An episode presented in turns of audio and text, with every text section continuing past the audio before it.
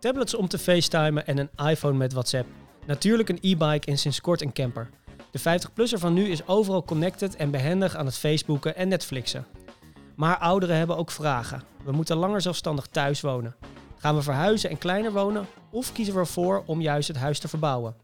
Gaan we naar het verzorgingshuis of dat nooit? Ze zorgen voor hun kinderen en mantelzorgen voor hun ouders. De 50-plusser heeft het druk, staat vol in het leven, maakt belangrijke beslissingen en is financieel krachtig. Voor het bedrijfsleven zijn er dus veel kansen om te verzilveren en uitdagingen om te overwinnen. Maar doen we dat ook en hoe kan het beter? Mijn naam is Jeroen Westerman en om die vraag te beantwoorden ga ik in gesprek met experts Arjan In het Veld en Floris Venneman. Uh, en komen we te weten wat er allemaal speelt bij de 50-plusser van nu. Welkom bij de podcast De Geheimen van Ouderenmarketing. In de vorige podcast sprak ik met Floris Venneman en gingen we dieper in op technologie en communicatie. In deze podcast spreek ik met Arjan In het Veld en gaan we het hebben over langer zelfstandig thuiswonen en wat hierin de uitdagingen en oplossingen zijn voor ouderen en voor instellingen die hiermee te maken hebben. Arjan, leuk dat je er bent. Ik heb er heel veel zin in vandaag. Um, misschien is het goed als je je allereerst eventjes voorstelt aan de luisteraar. Nou, uh, Arjen Nitveld, uh, ooit in 2006 uh, gestart met Bureau 50. en voordat je de vraag stelt, hoe ben je er ooit mee begonnen? Um, nou, dat is wel leuke aanleiding. Het is vooral verwondering geweest. Ik, ik studeerde marketing en communicatie. Communicatie in Nijmegen, marketing in Tilburg. En ik wilde graag afstuderen op dat snijvlak waar het begrijpen van de doelgroep en hem in beweging krijgen elkaar raken. En ik had een docent die zei, eh, volgens mij is het onderwerp ouderen is wel heel interessant voor je. En ik had een bijbaantje in uh, valpreventie, hulpmiddelen. Okay. Ik verkocht aan verpleeg- en verzorgingshuizen. En uh, nou, wat ik daar zag, dat was in ieder geval niet de wereld zoals mijn ouders zijn. En ik dacht, ik heb ik heb vast een paard nodig om mijn uh, ouders naar binnen te sleuren en een hek om ze niet te laten wegrennen. Dat is niet de omgeving wat zij willen. En daar ontstond eigenlijk de vraag, ja, hoe dan wel? En dat gecombineerd met het verhaal van mijn docent, die zei, je moet daar iets mee doen. En het snijvlak marketing communicatie is dat ik daar ooit mijn uh, scriptie over heb geschreven. Ja. En, en daar toch kijkt de conclusie, we hebben heel veel vragen over ouder worden, over vergrijzing. En we stonden toen echt nog in de kinderschoenen. Ja. Als je bedenkt dat nu vergrijzing echt inzet, 2006, we zijn bij, bijna 15 jaar geleden ja, dat was nog echt wel in de kinderschoenen. Ehm, en, en, ik, en ik vond weinig antwoorden. Toen dacht ik, ja, dan is dit uh, vanaf nu uh, mijn roeping. Ja, ja dus eigenlijk, je, je, kwam al over de vloer uh, via je bijbaan. je had er een connectie mee via je ja. studie. En je dacht, mijn ouders gaan hier niet wonen. Dat nee. is niks voor hen. Nee. Um, ja, interessant, dankjewel. Um, wij gaan het in deze podcast hebben over langer zelfstandig thuiswonen. Kan je een beetje toelichten wat dat precies inhoudt? Uh, nou ja, bovenal is het vooral een uh, beleidsterm. Ja. Uh, dat is even. Iedere overheid, lokaal of landelijk, heeft het over ja, we, de ambitie om zo lang mogelijk zelfstandig thuis te wonen. En nou, de afgelopen 15 jaar, door, via de, door de ogen van ouderen naar de wereld te kijken, uiteraard ben ik zelf niet oud, dus wij doen dat als observant en veel onderzoek, et cetera. Hebben we wel ontdekt dat langer zelfstandig thuis voor niemand echt een doel is. Althans, ik heb nog nooit een ouder hoor zeggen, oh wat ga ik, wat ga ik eens lekker, zelfstandig, lang. zelfstandig thuis wonen. nee. Ja, maar dat is wel de, de ik denk een opmaatje naar uh, misschien de rest van dit gesprek. Je moet ook heel goed luisteren naar hoe mensen dat dan wel uiten. Mensen willen bijvoorbeeld in hun eigen buurt zo lang mogelijk blijven wonen. Uh, willen hun huis niet, niet verlaten omdat ze daar zulke fijne herinneringen aan hebben met een gezin, et cetera. Dus mensen praten wel in andere termen over die ambitie om langer zelfstandig thuis te wonen, maar het is vooral dus een beleidsterm. Um, en ik denk dat hij ook niet helemaal de lading dekt. Uh, uh, want wat is thuis? De misvatting van thuis kan zijn dat het over dat eigen huis gaat waar je nu woont. Ja. Maar het kan ook een ander huis zijn. Dus uh, wat je nu ziet is eigenlijk twee sporen waar we een beetje op uitkomen. Eén is dat het gaat over waar wil je wonen? is dat in dit huis of is dat in een ander huis? Uh, nou ja, dan kom je ook op het vraagstuk, er is eigenlijk een tekort aan woningen die geschikt zijn om in oud te worden. Ja. En de helft van de woningen waar mensen nu wonen zijn eigenlijk ook niet geschikt. Dus dan kom je dat aanpassen of verhuizen. Ja. En veel breder gaat het eigenlijk over, ja, hoe ga ik me überhaupt voorbereiden op mijn oude dag? En dat doen we eigenlijk ook niet, want we willen er liever niet over nadenken. Niemand wordt oud of niemand is oud, maar en dat proces erheen ook. Hoe ga ik mijn oude dag financieren? Heb ik voldoende pensioen? Uh, en daar komen dan uiteindelijk de woonvraag vanzelf ook wel uit en de zorgvraag, et cetera. Maar, is het een uh, taboe om het erover te hebben? Uh, nou, ik weet niet of het een taboe is, maar uh, zolang je nog gezond van lijf en leden bent, dan ben je gewoon een gezond mens. Ja. En ook uh, als er wat kwaaltjes optreden, dan gaat het naar omstandigheden. Dat is heel iets menselijk, gaat het eigenlijk altijd goed. Dus het echt nadenken over een toekomst waarin je eventueel zorgbehoeftig gaat zijn of iets niet meer kunt. Ja, dat is vaak voor mensen een ver van een bedshow. Ehm, en men denkt ook wel een beetje, nou ja, als het dan zover komt, dan dat zien we dan wel weer. Wie dan komt, dan zorgt. Uh, maar dat gaat niet meer. Nee. Dus, dus het besef begint, begint langzaam te komen hoor. Het besef dat niet vadertje staat of iemand het voor je gaat regelen op het moment dat het er dan is, omdat we zo vreselijk veel ouderen hebben, die enorme vergrijzingsgolf, dat begint wel in te dalen. Maar ik denk dat, uh, dat de urgentie daarvan nog niet voldoende gevoeld wordt. Oké. Okay. Mij vraagt. Oké. Okay. Uh, ik, ik schreef net op, langer zelfstandig, niet in het verzorgingshuis. Dat het moet eigenlijk de slogan zijn. Uh, ja. ja, behalve dat het verzorgingshuis uiteindelijk wel als, als format wel weer aan populariteit wint. Ja.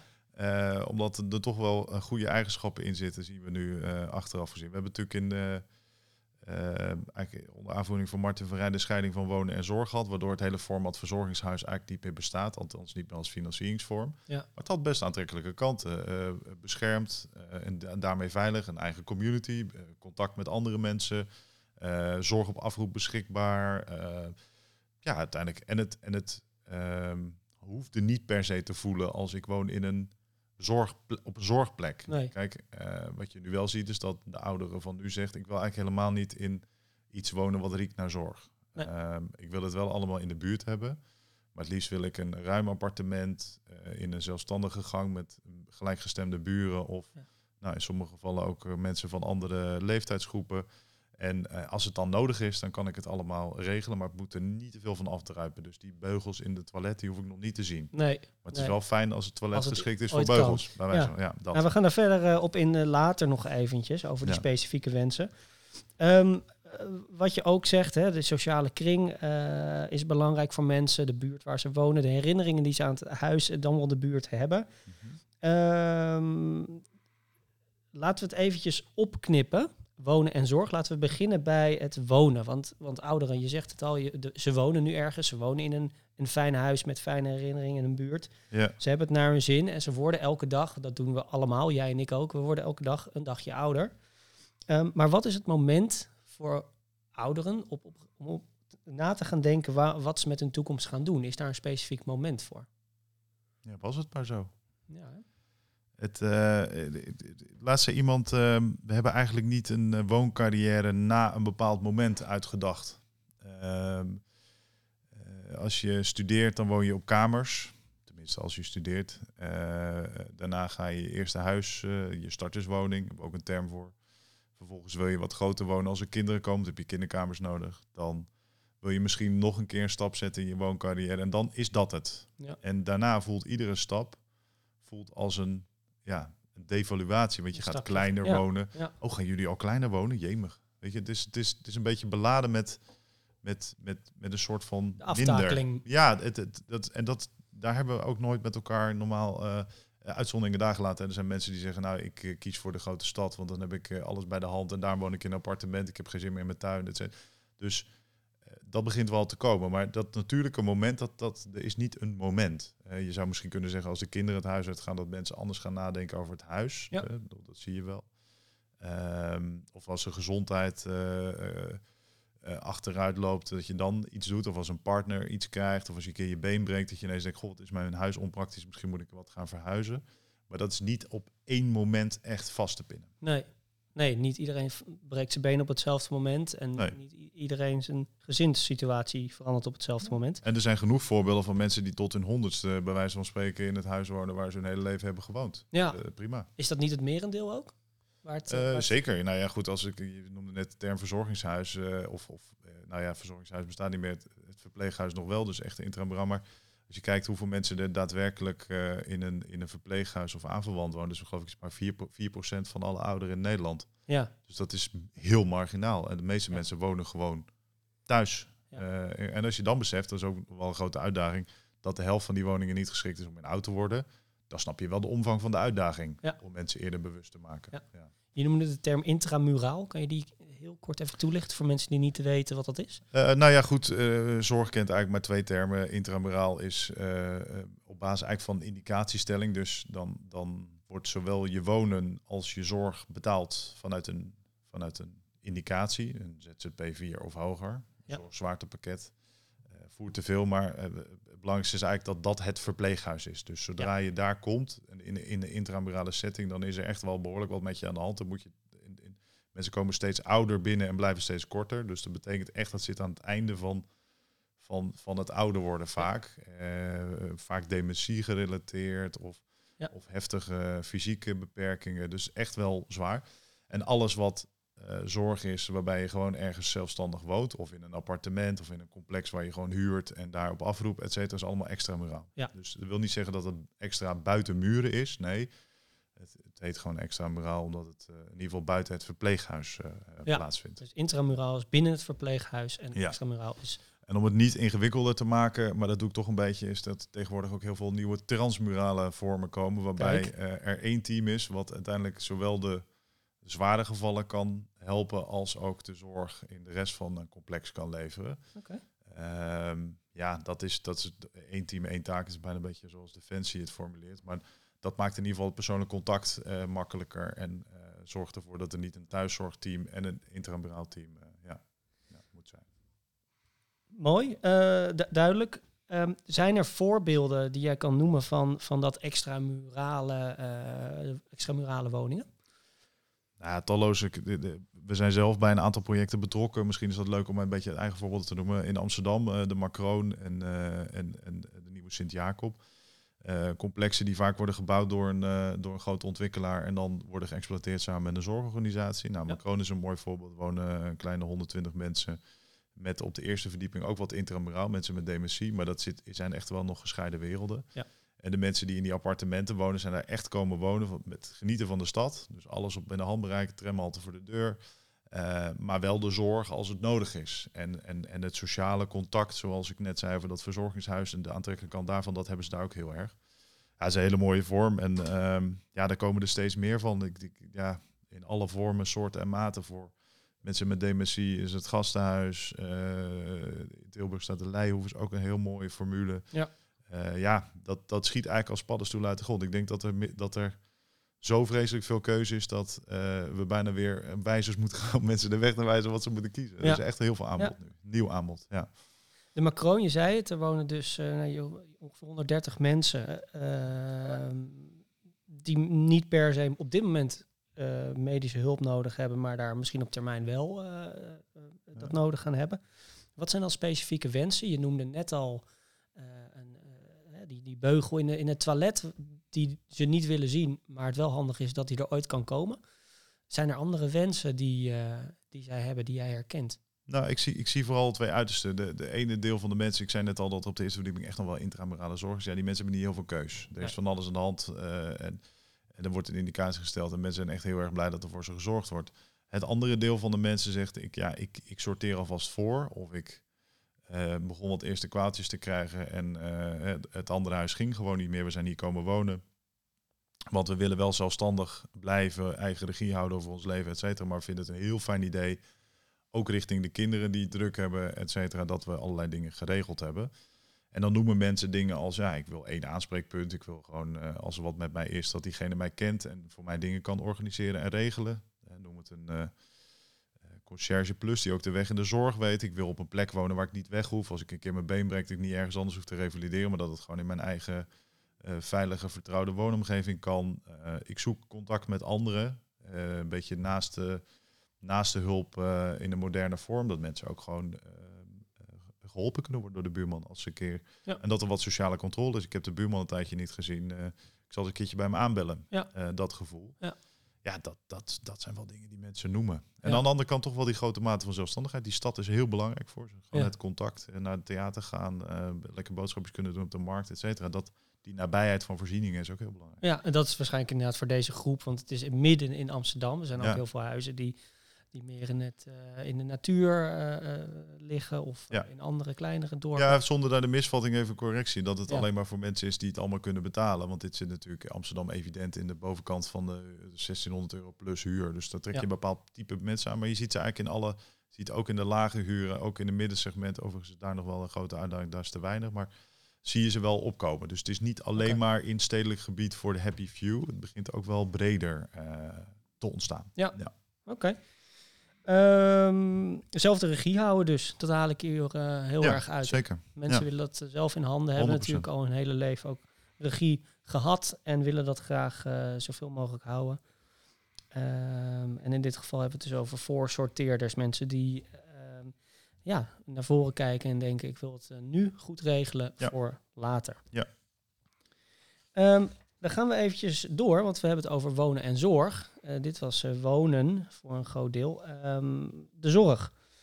Ehm, wat zijn volgens jou de grootste veranderingen in, de, in het zorglandschap van de afgelopen eh 10, 15 jaar? Ook, ook met nou ja, de ontwikkelingen van dat langer zelfstandig thuis eh, fenomeen? Poeh. Eh, eh, Moeilijke vraag. Ja, het is, een- nou, het is Brede een vraag. veel omvattende vraag. Ja. Eh, kijk, aantal belangrijke trends. Ik denk eh, de opkomst van technologie voor allerlei dingen. Eh, en niet alleen technologie die aan je wordt gegeven, alsjeblieft. Dat verstrekkingsmarkt en dan werd het ook allemaal voor je betaald. Maar echt technologie die je zelf wil en nodig hebt. voorbeeld van? Nou ja, in coronatijd wil de opkomst van het beeldbellen. En dat was echt niet alleen omdat het verstrekt werd, maar omdat mensen zelf zeggen, ja, geef me een venster op de wereld, ik heb het nu nodig. Ja. Eh, dus het was echt een behoefte vanuit ouderen zelf. Ja. En eh, dat zie je wel als trend. Dus het is niet meer alleen maar het wordt aan je gegeven. Nee, ik heb echt behoefte aan deze technologie. komen een beetje op, het, op de podcast van vorige keer met, eh, met Floris. Dat als, eh, als de 50-plusser echt zelf het nut ziet Ja. van de technologie, dan omarmt eh, hij of zij het. Maak het zo functioneel mogelijk. Er is heel lang gedacht dat we het allemaal leuk en fun moesten maken. Nou, zal zeker een factor zijn, maar zodra het iets voor mij doet en Ja. ik zie het functioneel, dan gaan mensen ze veel sneller om. Ja. Dat is dat heel grappig hoe dat werkt. En daar kan ik je nog heel veel case over geven. Dat doen we in een ander gesprek. Maar eh, dat is wel echt een ding. Ehm, twee is de, het besef dat het niet meer all-inclusive is. Eh, dat is lang geweest in de zorg. Dat eh, ook het verzorgingshuis, maar ook het verpleeghuis, dat werd allemaal betaald. Wonen, zorg, alles in één, eten, eh, werd allemaal geregeld. Dus er was ook maar één smaak, want dat was het. En wat je nu dus ziet, is dat het besef is dat het niet meer all-inclusive is. betekent ook dat er voor een deel betaald wordt, maar dat er ook meer smaak is. Ik noemde net Ja. al al die variaties. Dat ga je dus nu zien. Dus daarmee is de zorg ook wel een hele interessante markt geworden, wat het ook nooit echt was. Ja. Met heel veel nieuwe commerciële toetreders. Ja, dat, dat, dat is spannend. Ja, En ehm, zowel voor de consument, want die kan kiezen, maakt hem ook onzeker, maar ook wel weer, die, die heeft gewoon keus. Maar ook voor de markt zelf, want er is ineens concurrentie voor partijen die nooit concurrentie hebben ervaren. ja. Eh, Mooi, ja, denk ik. oké. Dus ze, worden, ze zijn eigenlijk op scherp gezet de afgelopen jaren. Ja, en, en corona heeft dat misschien weer uitvergroot. Eh, kijk, ik denk dat het de komende jaren ook minder geld voor zorg beschikbaar is en meer ouderen. Dus we, we zullen ook eh, A, allemaal zelf een beetje moeten gaan bijbetalen, maar ook daar meer eisen aan stellen. Dat, dit, dit landschap gaat, eh, gaat ver, verder gaat veranderen. Ja. Kan ik je wel op een briefje geven. Interessant. Ehm, ja, mijn volgende vraag was hier, is een heel mooi bruggetje hier eigenlijk naar. Want ehm, we hadden het net over eh, wonen. Grote ontwikkelaars die een groot pand neerzetten en de zorginstelling moet daar, nou ja, goed, de zorg gaan regelen. Ehm, nou weten wij dat daar soms ook wat eh, eh, ja, overleg plaats nodig, eh, plaatsvindt en, en, en meer overleg nodig is om het ook passend te maken. Ehm, dat verandert ook de taak die een zorginstelling heeft. Dat wordt misschien naast het bieden van zorg ook echt met, met ontwikkelaars om tafel, met architecten om tafel, met inrichting, design om tafel. Nou ja, goed. ehm, om daarop in te haken Ja. meteen, als je het goed vindt. Ehm, ik denk dat eh, het, de markt was overzichtelijk, laten we zeggen tien jaar geleden. Eh, je had thuiszorg, eh, verzorgingshuis en verpleeghuis. En dat was het al zo'n beetje. En welzijn. En met, met toch het een beetje vrijmaken van deze markt, die nu een markt is, zijn er dus heel veel andere partijen. Dus je noemt nu specifiek die zorginstelling. Maar ik denk dat die rol van die zorginstelling helemaal niet zo gek groot meer is. Ja, die hebben een grote rol voor met name de mensen in de zware, het intramurale deel. En ik denk dat zij voor zichzelf moeten bepalen, wat ga ik dan nog doen in de rest van die markt? Dus die zullen zich ook moeten gaan positioneren. Die Ja. moeten gaan concurreren. Die zullen transparanter moeten zijn over hun prijzen. Dat, is- dat is een soort aardverschuiving voor deze eh, organisaties. Eh, en ik denk dat zij moeten kiezen. Ik ken uh, organisaties die zich helemaal gaan specialiseren in dementie bijvoorbeeld. Wat op zich heel logisch is. Ja. Of die zeggen, nou doe mij maar de vreselijk complexe gevallen met multiproblematiek. Er zijn mensen die allerlei aandoeningen door elkaar hebben en hele specialistische verpleging nodig hebben. Nou, daar kun je op specialiseren. Ja. Maar er zijn ook organisaties die zeggen, nou, ik ga me juist heel erg bezighouden met die, met die voorsorteerder in het wonen zodat ik veel eerder contact heb met mensen en ze veel beter kan bedienen in die laatste fase van het leven. Dus ik ga nieuwe diensten ontwikkelen uh, enzovoort. Ze zijn er ook die gaan heel erg op technologie. ik ben de meest innovatieve, meest vooruitstrevende organisatie. Dus, dus dat, dat, waar, waar vroeger misschien iedere zorgorganisatie voor elkaar inwisselbaar was en vooral het geloof waar het vandaan komt of de stroming bepalend was voor de, voor de manier waarop daar zorg werd geleverd, is dat nu wel veel, veel diverser. Ja. ja. Ligt er een rol voor gemeentes? lokale overheden? Sowieso met, met uh, de decentralisatie van zorg heeft de gemeente een groot deel van die zorg gekregen. Mm -hmm. Dus zij moeten vanuit WMO en vanuit andere uh, WMO? wetmaatschappelijke ondersteuning ja. en persoonsgebonden budgetten, et cetera. Hebben zij zeker een rol in dat, in dat zorgdomein. en waar bijvoorbeeld wat, wat je nu ziet is gemeenten hebben allemaal het oudere beleid de afgelopen jaren de deur uitgedaan en dat allemaal in silo's ondergebracht. Dus ze wonen, zorg, vastgoed allemaal apart. Ja. Maar wil je echt iets betekenen lokaal en zorgen dat er een mooi complex komt, dan moet je misschien niet de hoofdprijs vragen voor je, voor je grondpositie. Uh, kijken wat er in zorgland nodig is en wonen er ook op afstemmen. Dus dat vraagt toch weer om, ook voor gemeenten, een nieuw soort oudere beleid. Wat ga ik ja. doen? He, vind, ik, vind ik het belangrijk dat ik die grond voor de hoogste waarde verkoop? Of vind ik het belangrijk dat ik in de toekomst genoeg woningen heb voor ouderen? Wat vind ik prioriteit hebben? Want Ja. het een, het zijn wel communicerende vaten. Dus zeker dat gemeentes daar een rol in moeten spelen. En dat zie ik nu ook. En ook, ook bijvoorbeeld rondom campagnes, rondom bewustwording. Ga eerder je huis aanpakken, eerder nadenken over ouder worden, eerder nadenken over waar je wilt wonen. Ook daar zie ik gemeentes hun rol nemen. Maar ik denk niet dat het alleen bij gemeentes ligt. En ik denk dat dat het belangrijkste is wat nu moet komen. Lokaal, want het is bijna allemaal lokaal. Niemand woont regionaal of landelijk. We Mhm. wonen allemaal ergens in een plaats of Ja. in een wijk. Daar moeten die partijen samen gaan werken om na te denken... wat kunnen we dan bewerkstelligen om het hier voor ouderen zo eh, goed mogelijk in te richten. En die partijen zijn dan de gemeente, de zorginstelling, de ontwikkelaar. Gaan ze maar afvallen, nieuwe toetreders, commerciële partijen, eh, nieuwe, nieuwe eh, technologieoplossingen, et cetera. En die moeten uiteindelijk bij elkaar komen. Daar kan de gemeente wel uiteraard een, een regierol of een, of een aanjagende rol in vervullen. Eh, maar ik denk wel dat die partijen bij elkaar moeten komen. Ehm, ja, ik sluit hem altijd af eh, Oh. met een, eigenlijk een laatste, laatste tip of een laatste opmerking in het, eh, in het thema wat we, wat we behandelen. Heb jij nog iets, een, een, een stip op de horizon in het langer zelfstandig thuis of langer zelfstandig niet in het verzorghuis? Eh, hoe je het ook wilt noemen. eh, Nou ja, we hebben het gehad over het, over het systeem. Hè. Je vroeg me naar wonen, zorgen, wat zijn de trends en op marktniveau. Maar een, een, een- eigenlijk een hele belangrijke, en dat is altijd in ieder traject, is eh, luister alsjeblieft naar wat ouderen willen. Alsjeblieft. En probeer, ze, probeer mensen ook te, in te delen in relevante groepen, zonder dat je daar meteen labeltjes moet opplakken. Maar mensen van 86 met verschillende problematiek, die vragen echt iets heel anders dan iemand van 65 die denkt, hé, mijn huis is te groot en ik wil ergens gaan wonen waar ik zorg op afroep kan, eh, kan afnemen. Eh, en probeer dat ook voor jezelf helder te maken, welke groepen bij elkaar kunnen wonen. En, en zorg ook dat bijvoorbeeld daarmee in communities, eh, lokale communities in panden ook goede balans is, enzovoorts, enzovoorts. En ik denk dat het luisteren, echt goed luisteren en doorvragen, dat dat wel het meest cruciale is om deze ontwikkelingen goed te doen. Mijn ervaring met communities is altijd dat dat echt vanuit de, de community zelf moet komen. Zeker. Dus een niet bestaande community moet zelf een community bouwen. Want als dat van al- Ja. hogeraf of van, van een- uit een andere Ja. hoek komt, dan, dan maar lukt als je het dus niet goed luistert, dan staan die mensen vanzelf op en heb je boze, boze ouderen aan je loket. Ja. En dat is niet om te chargeren, maar dat is, dat is nog vervelender. Dus je kunt beter van tevoren goed luisteren, mensen echt betrekken. En niet aan het einde van je ontwikkeling nog even drie ouderen vragen, wat, wat vindt u ervan? Maar echt structureel samen ontwikkelen. Dus echt luisteren. Ik denk dat dan, dan ondervang je al die dingen. En dan ontstaat de community ook, want dan heb je goed geluisterd en een goede balans gevonden. Ja. Mee eens? Ja. Mooi. Eh, volgens mij hebben we nog heel erg veel te bespreken. eh, en wat alleen maar goed is. Maar dat gaan we in volgende eh, afleveringen doen. Als ik hem eh, ja, snel mag samenvatten. eh, dan hoor ik je zeggen dat het moment om te verhuizen. of het moment om eh, iets te gaan doen aan je toekomstplannen. eigenlijk niet bestaat. Nee.